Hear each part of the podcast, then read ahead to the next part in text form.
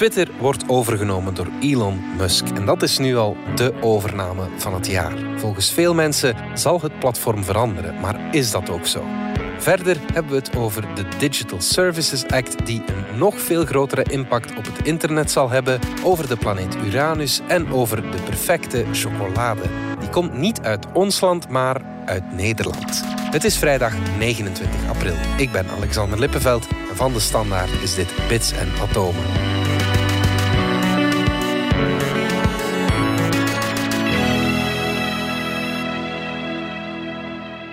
Dominique Dekmijn, technologiejournalist en Pieter van Doren, wetenschapsjournalist. Voor we beginnen, Dominique, jij kreeg deze week een heel leuk mailtje. Ja, heel sympathiek. Eh, de moeder van een jonge fan van onze podcast, die was komen luisteren. Ja, op het, ja, fan. absoluut. Eh, ik vond het heel fijn trouwens. Al die mensen in de zaal op podcastfestival, geweldig was dat. Ja, Echt. mm, ja. ja, het is altijd zo stil aan de andere kant van de lijn als je een podcast opneemt. En opeens waren de mensen bij, was super fijn. Maar Sis zat in de zaal eh, en is tien jaar en hij viert eh, op 1 mei zijn lentefeest. Zijn moeder vroeg of dat we een, een kaartje konden ondertekenen. En we doen nog net ietsje meer. gaan want het elektronisch we, we wensen hem het allerbeste hier in de Bits en Atomen. Een eervolle vermelding voor Sis. Hoi, Sis. Absoluut. Dus Zeker blijven luisteren, Sis.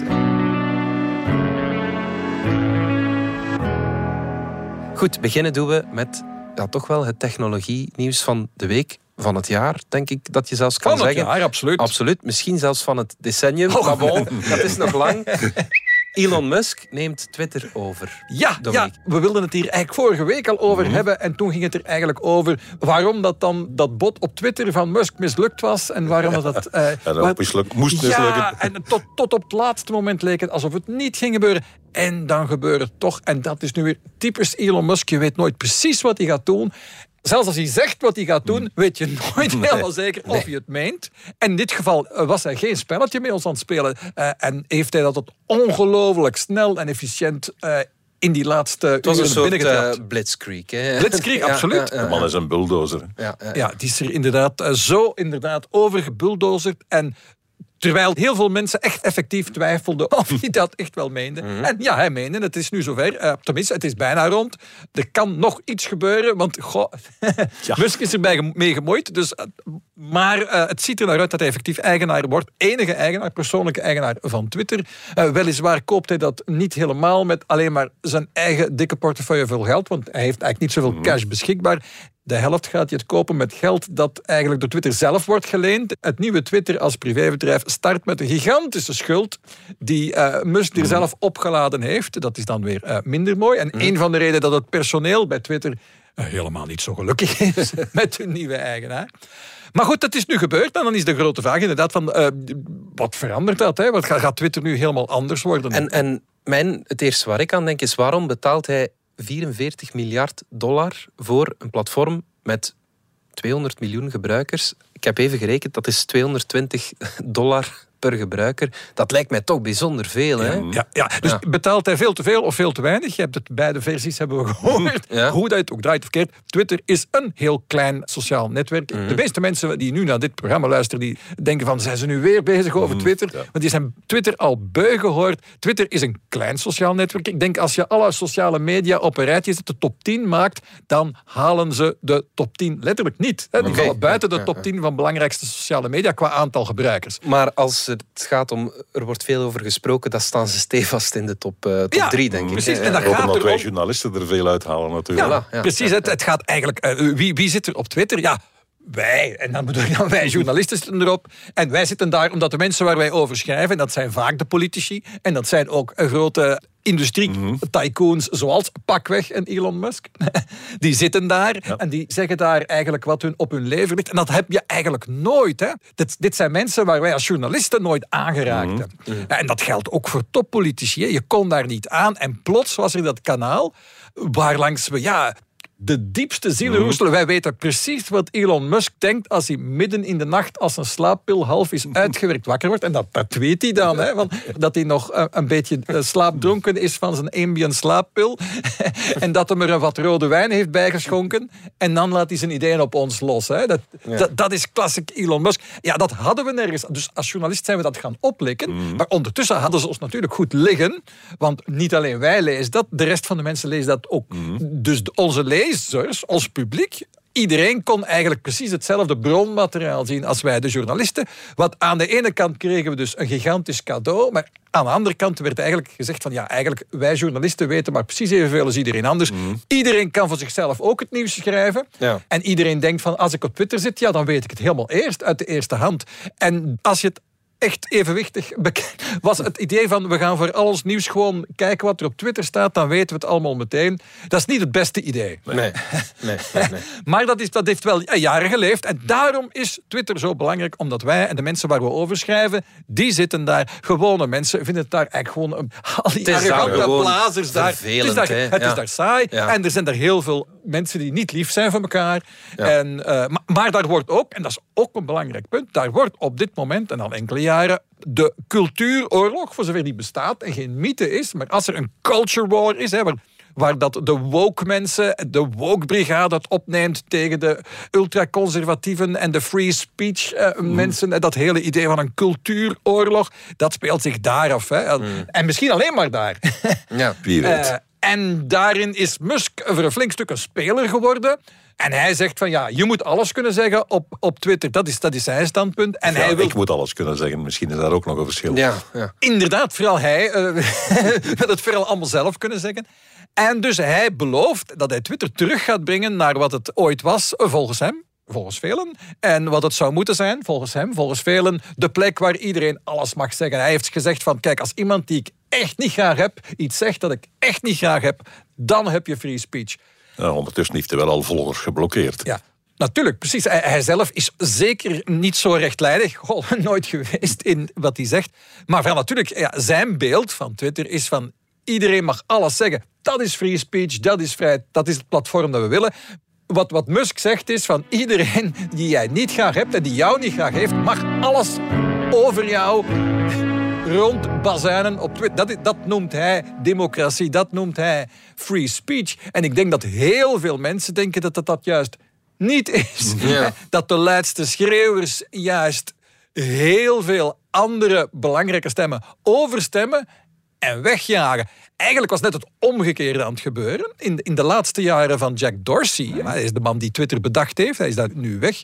eh, hij was eigenlijk meer de stap aan het zetten van, nee, kijk, oorspronkelijk vond ik wel dat iedereen alles mocht, mocht zeggen, maar ja, kijk, dan krijg je, dan krijg krijg je niet Trump. echt zo'n aangename plaats Nee, voor iedereen. nee, nee? Dan krijg je geen inclusieve plaats. En ja, als ik zeg inclusief, dan ben ik direct al in die culture war gedoken. Want dat is weer Je zo'n gevoelig nu, hè? begrip. Eh, dat is wel zo'n ge- gevoelig begrip nu.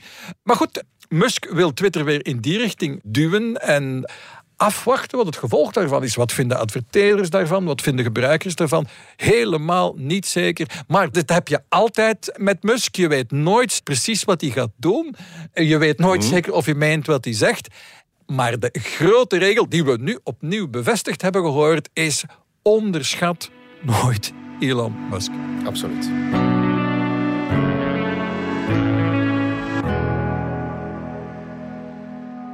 Onderschat nooit Elon Musk, daar heb je een punt. Hij wil graag naar Mars. Misschien is zijn volgende halte Uranus, Pieter. Ja, wie weet. er is een eh, panel van de National Academy of Sciences. Eens om de tien jaar doen die dat een keertje. Lijsten ze eens op wat de NASA de volgende tien jaar eigenlijk zou moeten doen. Een panel van 130 eh, verschillende mensen, allemaal uit astronomie en de planetologie en zo verder. En die hebben gezegd, volgende doel moet Uranus zijn. Oké. Uranus kennen we eigenlijk nauwelijks. Het enige dat we daarvan hebben zijn een paar eh, foto's uit de jaren 80. Een eh, turquoise bol met een paar wolkjes. Ja. Ei- Einde verhaal. Foto's van de, de Voyager. Van de eh, Voyager ja, 2 ja, die ja, daar in- gewoon in het passeren een paar kiekjes genomen heeft. Nog een paar magnetometingen gedaan en zo. En that's it. Mhm. Dus van Uranus weten we nauwelijks iets. De vraag is, moeten we er iets van weten? En moet dat vooropgezet worden? Ja. Project zou iets van een eh, 4,2 miljard dollar gaan kosten. En dat is meer dan Amerika tot nu toe al in Oekraïne gestopt heeft. Om de vergelijking te maken. Ja, ja, ja. Dus het is geen eh, klein project. Eh, nummer twee die dat panel aangeeft is Enceladus. Dat is een maan van eh, Saturnus. En dat is die die eh gijzers eh, het heelal inblaast. Dus we weten dat daar vloeibaar water is, want hij spuit vloeibaar water. We weten al dat daar organische stoffen in zitten. Dus het zou best eens kunnen dat een goede kandidaat is voor primitief leven. Ja, ja. Dat is nummer twee. Als eh, nummer drie geven ze een toestel om naar Mars te schieten met een boor. Om eens een meter of twee de grond in te gaan en te kijken of daar het leven niet zit. Als het zit, zal het diep in de grond zijn waarschijnlijk.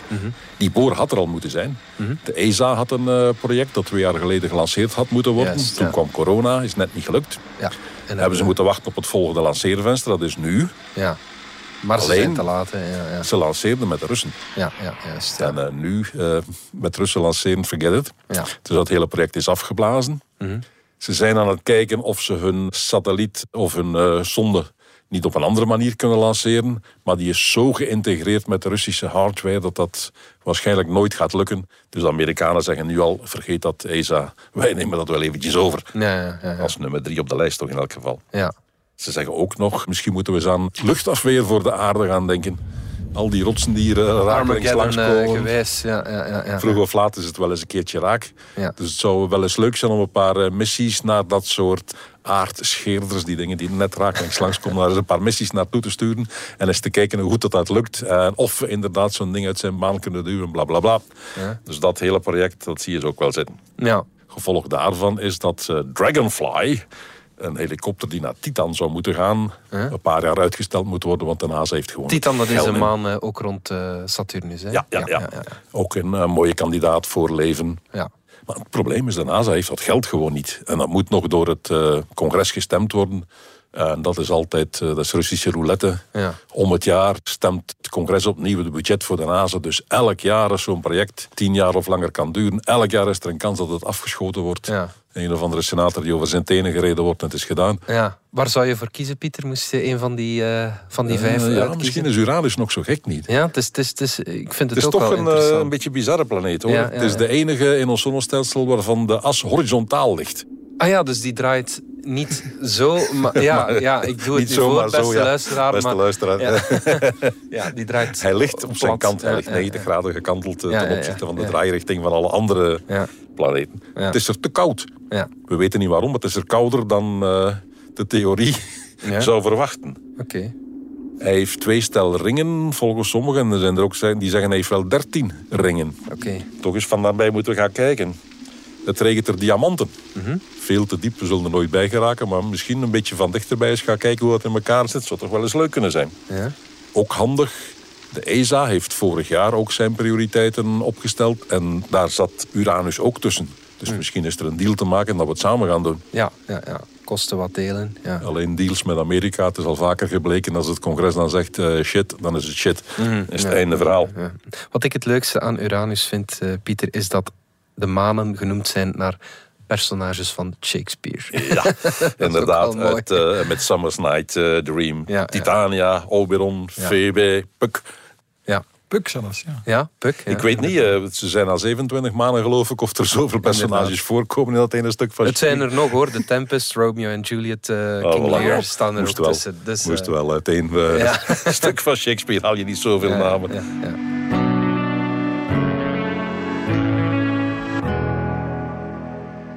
Dominique, een paar weken geleden hadden we het over de DMA, de Digital Markets Act. Er komt er eentje bij, de Digital Services Act. Daar heeft Europa een akkoord over. Ja, en die Digital Services Act is, afhankelijk van wie je gelooft, nog belangrijker of minstens even belangrijk als de Digital Markets Act. Ik zet ze eventjes naast elkaar. Dus de Digital Markets Act is Europa dat zegt we moeten concurrentie hebben voor big tech, voor die grote Amerikaanse technologiebedrijven, want ze zijn te machtig. En dat gaat eigenlijk over concurrentie toelaten binnen je eigen App Store voor de smartphone, maar ook andere concurrerende appstores toelaten. Dat gaat over Amazon dat eerlijke concurrentie moet toelaten, maar bijvoorbeeld ook een Facebook, Instagram, die concurrentie van andere sociale netwerken gemakkelijker moeten maken, overstappen gemakkelijk maken. Dit gaat over concurrentie.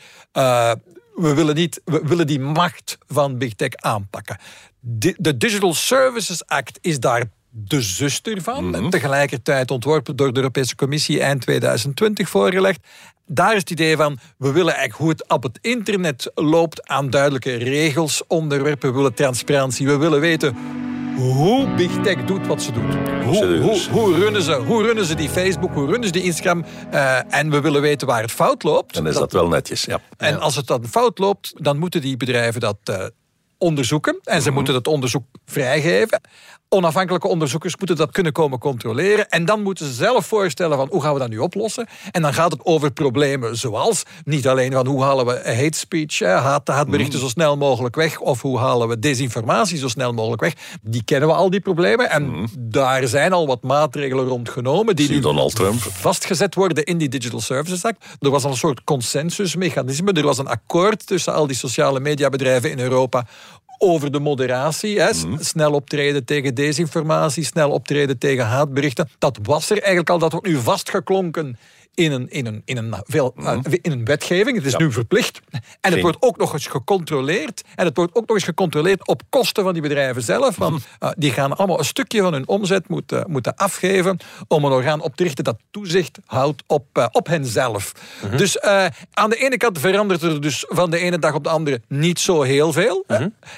En toch weer heel veel, want dat is principieel wel. Want we gaan van een principe van die sociale media doen hun best. en ze doen dat uh, vanuit hun goede wil. Naar een systeem van, dit zijn de regels. en daar hebt u zich aan te houden. En wie zich er niet aan houdt, wordt zeer zwaar. Beboet tot 6% van de jaaromzet van die bedrijven. Dat loopt al uh, in de miljarden. Of dat kan zelfs al richting in tientallen miljarden gaan. Mm -hmm. uh, dus zeer veel geld. Zeer grote boetes. wat ook direct de schrik opriep van... oei, mhm. als we gaan dreigen met grote boetes... als de verkeerde dingen online staan dan gaan die sociale netwerken ons misschien te streng al bij voorbaat eh, censureren. Mhm. Maar daar is allemaal rekening mee gehouden, want er komen ook strenge regels over wat je doet. Als je tweet of je Facebook-bericht mhm. wordt weggehaald, moet je daar kunnen tegen in beroep gaan. Ook daarvoor moeten procedures voor zijn. Dus procedures, transparantie, regels, uh, audits. Het schaakbord wordt omgekeerd. Eh, de politiek neemt heel zelfbewust hier, de Europese mhm. politiek, de controle over hoe dat allemaal gaat op die internetmarkt. En dat is een breuk. Hè. Tot hiertoe was het altijd zo dat uh, men zegt van ja, de politiek heeft dat eigenlijk maar te ondergaan, die technologie. Want politici snappen het allemaal niet, was het idee. En, en, de politiek gaat zo traag en die technologie gaat zo snel. Elke beslissing die politici daarover nemen, dat zal wel een stommiteit zijn. Want die, dat, dat is een, een meme, een idee, dat die technologiebedrijven met heel veel succes al twintig mhm. jaar verspreiden. Die politici snappen dat niet. Elke keer als een politicus een uitspraak doet over sociale media, wordt daar snel mee gespot. en dit is dus echt wel een ommekeer. Dit is de politici die zegt van ja, we, we snappen het best wel.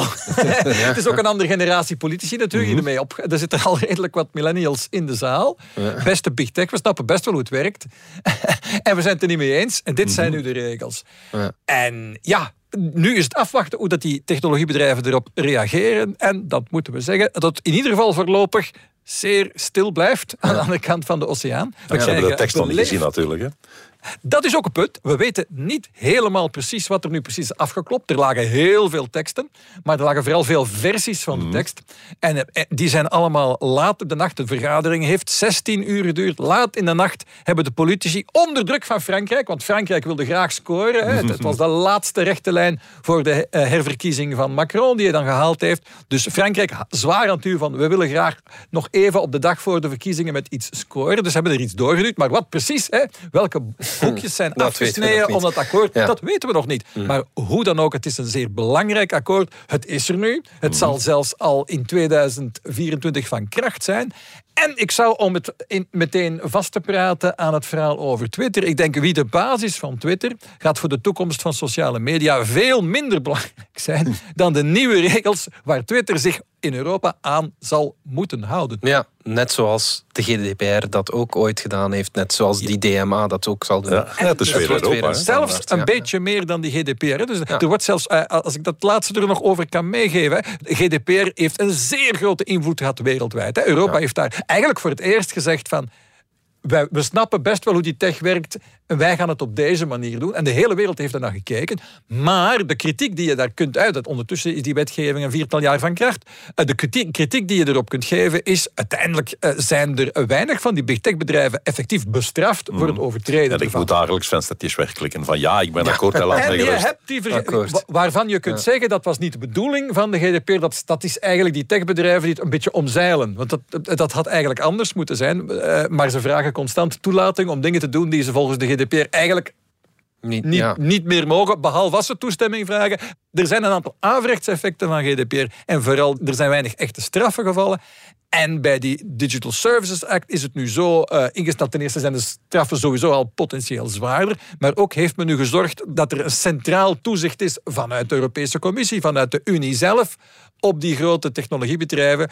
Voor de GDPR was het toezicht eigenlijk op landenniveau. Het is een klein verschil, maar het eindigt heel groot. Want al die eh, sociale media zijn allemaal in Ierland gevestigd. En Ierland trekt die grote bedrijven graag aan, omdat het graag een technologiehub wil zijn. En Ierland was opvallend eh, mild in het afdwingen van die GDPR. ja. Dus nu heeft Europa gezegd van, voilà, we gaan dus niet de hele regulatie van de Digital Services Act, dat gaan we ook niet bij Ierland leggen. Dat trekt de commissie naar zichzelf toe.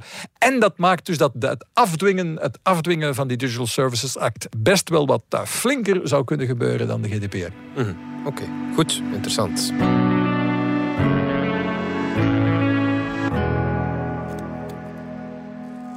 Pieter, voor goede chocolade moet je in ons land zijn of in Zwitserland.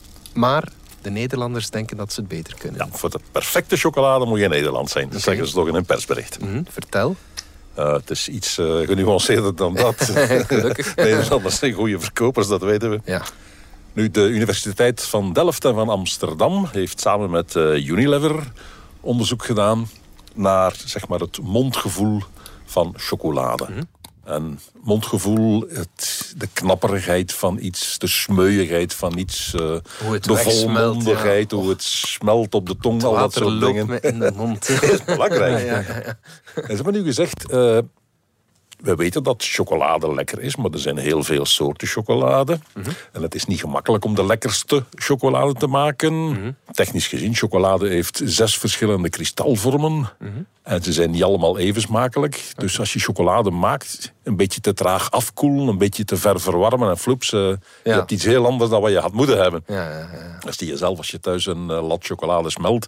Wat je over hebt, is iets heel anders dan waar je mee begonnen bent. Absoluut, ja. ja. Dus zeggen ze, kunnen we dat niet eh, manipuleren? Kunnen we dat soort mondgevoel niet eh, zelf in de hand nemen? En het niet laten afhangen van, van de chocolade of van de biefstuk of whatever dat, we- dat we proeven? ja, ja. En eh, het antwoord is ja. Oké. Wat ze doen is, ze hebben die eh, chocolade geprint met een eh, printer. Op een gestandaardiseerde manier, zodat ze goed weten dat ze altijd dezelfde chocolade krijgen. Kristalvorm nummer 5 heet dat dan eh, in het vak. Numero 5, dat is bij, bij Chanel heeft dat ook gewerkt. Voilà. Ja. En nu zijn ze die chocolade gaan printen in eh, zeg maar een S-vorm. Ja? Dus laagjes die over elkaar kronkelen. En als je die S verder zet en nog langere spiralen maakt, krijg je steeds meer laagjes die zich rond elkaar winden. En dat verandert de knapperigheid. Dus ze maken eigenlijk metamateriaal. De vorm van het materiaal gaat meespelen in de beleving, in de smaak. Ja, ja. En als je dan op zo'n eh, ja, spiraaltje van chocolade gaat bijten, Ja. dan geeft dat een knapperig gevoel. Want die laagjes breken stuk per stuk af. Ja. En dan gelang de richting waarin dat je bijt en de richting van de laagjes en het aantal laagjes en zo verder, krijg je verschillende mondgevoelen. Ja. En dat zijn ze gaan, eh, gaan nameten en gaan nakijken. Ja. En inderdaad, hoe meer laagjes, hoe meer kraak, zeg maar. En hoe aangenamer de smaak. Ja. Hebben ze aan een eh, smaakpanel gevraagd. Er zaten heel veel eh, kandidaten. Eh, ze hebben die mensen, terwijl ze beten, ook eh, met een microfoon naar, geluisterd naar het knapperige geluid, het bijtgeluid. En het blijkt inderdaad, hoe meer laagjes, ASMR, hoe meer kraakjes, hoe meer geluidjes, Ja. hoe lekkerder. Ah ja. Dan zijn ze de computer ingegaan en zijn ze beginnen allerhande soorten vormen ontwerpen. vierkantjes met middenin nog een bol, vierkantjes met een kruis in het midden. Allerhande mogelijke manieren om eh, met een beetje chocolade en veel lucht toch een heel aangenaam chocoladegevoel te geven. En het resultaat is, je kunt inderdaad heel aangename chocolade maken, die perfect is wat de mensen verwachten, Ja? met maar twee derde van de chocolade die je normaal in Ah, ja. zo'n eh, reep gebruikt. Ah. De rest is lucht. Ah. Maar door die, eh, die vorm Door en die dat knapperigheid te manipuleren, krijg je dus met veel minder chocolade toch hetzelfde effect. Ja. En de winst is Ik heb natuurlijk, de ja. indruk dat de commerçanten daarop gaan springen. Ik denk het ook. Ze gaan Ja, als ja. lucht beginnen verkopen. ja, we hebben het al gezegd, het wel. onderzoek komt uit Nederland. Ja.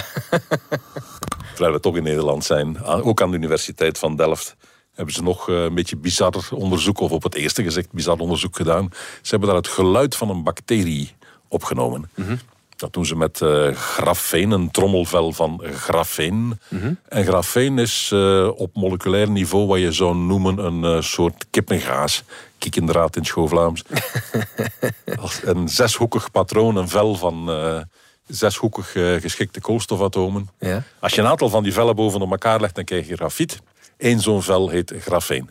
De kunst is om één zo'n vel te maken, dat is niet evident. Uh -huh. Maar ze hebben dat gedaan. Dus je kunt er gemakkelijk honderd van die velletjes op een millimeter naast elkaar leggen. Ze hebben die velletjes elektrisch verbonden. Vraag me niet hoe, maar ze konden daar uh, contact mee maken. Gesoldeerd. Uh. En uh, dan laten ze daar bacteriën bovenop. Ah, ja. En de bacterie met een zweepstaart, die wiebelt en die zwaait en die wappert met die staart. En bonk, bonk, bonk. Telkens als dit op de grafeenvel komt, geeft dat geluid. Dus zo klinkt En dat een geluid bacterie. klinkt zo. Het is gewoon wind. Witte ruis. Ja. Oké. Het is een soort ruis. Dus Ja. op dit moment eh, schieten we allemaal in de lach. Maar als je iets een beetje dieper nadenkt, is dat toch wel leuk. Mhm. Want wat blijkt, als je daar een antibioticum bij doet, dan sterven die bacteriën en dan stopt het geluid. Dat was de bedoeling van het antibioticum. Dat was de bedoeling van het Ja. antibioticum. Ja. Maar, en nu komt de volgende stap, steeds meer bacteriën worden resistent tegen onze antibiotica. En als iemand met een eh, serieuze besmetting ziet, dan weet de dokter vaak niet wat hij moet geven. Want sommige van die bacteriën werken niet tegen eh, antibioticum A, tegen B, tegen C, tegen deze. Dat is allemaal bestand. En je moet al vijf keer proberen eer eer je eentje hebt dat werkt. Ja. En ondertussen is de patiënt ofwel genezen ofwel dood. ja. Dus En op eh, deze manier kan je natuurlijk goed testen. kun je heel snel eh, testen of een antibioticum werkt tegen Ja. een bacterie. Oké, ja, goed. Hm.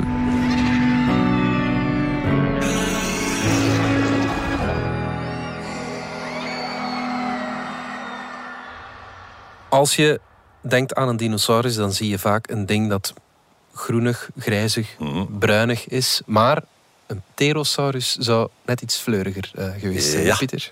En dat is bizar. We weten ondertussen dat ook bij dino's dat er hier en daar wel een aantal zijn met kleurtjes. En dat er een aantal zijn met veren.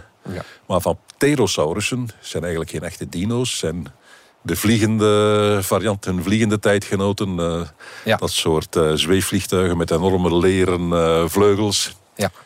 Daarvan weten we niet goed hoe ze behaard of wat dan ook waren. Mhm. We hebben de indruk uit een paar lichamen die gevonden zijn... dat ze ergens iets van een dons of een pels moeten gehad hebben. Mhm. Maar nu is er eentje gevonden in Brazilië. Een uh, Tupandactylus imperator. Mhm. Een ding met een enorme kuif op zijn kop. Het is eigenlijk alleen de kuif met nog een beetje vel aan eh, die gevonden is. Ja. Die is eh, via via in eh, Brussel beland in het eh, Museum voor Natuurwetenschappen. Mhm. Is ooit gekocht geweest door een verzamelaar en die heeft het aan het eh, museum geschonken. Daar hebben ze dat eens grondig onderzocht. En nu blijkt dat aan die kam dat daar op zijn minst twee soorten pluimen op zitten. Eén zijn een soort eh, vezelachtige dingen, eh, zoals je wel eens ziet van, van die boa's eh, die mensen in carnaval aandoen. Ja, ja, ja. Wat pluizige ja, filamenten, draden. Ah ja. Maar er zit dan ook een ander soort bij waar je echt een pen hebt die vertakt. En die, al die vertakkingen die haken nog eens met haakjes in elkaar. Zoals bij een echte, echte pluim, Ah, een echte veer. Ja, ja, ja, ja. Dus inderdaad, die pterodactylussen hadden veren. Ja, En dat wisten we tot nu toe niet. Of wisten we niet zeker. ja, ja, ja. En ten tweede, ze hebben ook gezien, als je dan onder een microscoop gaat kijken, in die cellen van zowel de veer als van de huid zitten eh, melanosomen, heet dat dan, kleurlichaampjes als je het eh, potjes Grieks vertaalt. Ja. Wat aantoont dat die dingen inderdaad ook nog kleuren hadden. En Ja. er zijn melanosomen van verschillende vormen gezien. Dus het beest moet verschillende kleuren gehad hebben. Ja, ja, ja. Voor signalisatie nemen we aan. Eh, seksueel is dat vaak wel interessant. Ja. fleurigheid en kleurigheid. Ja, Dus dat is nu nieuw, dat weten we sinds vandaag. oké.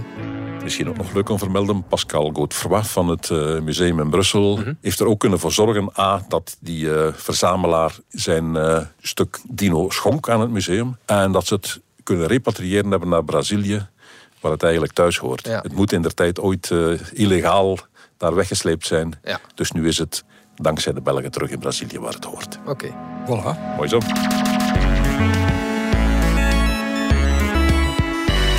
Dit was Bits en Atomen, onze wekelijkse podcast over wetenschap en technologie. Bedankt voor het luisteren. Download onze app DS Podcast of volg ons op Spotify, Apple Podcast of eender welk ander podcastplatform. Alle credits van de podcast die je net hoorde vind je op standaard.be-podcast. Reageren kan via podcast.standaard.be. Volgende week zijn we opnieuw.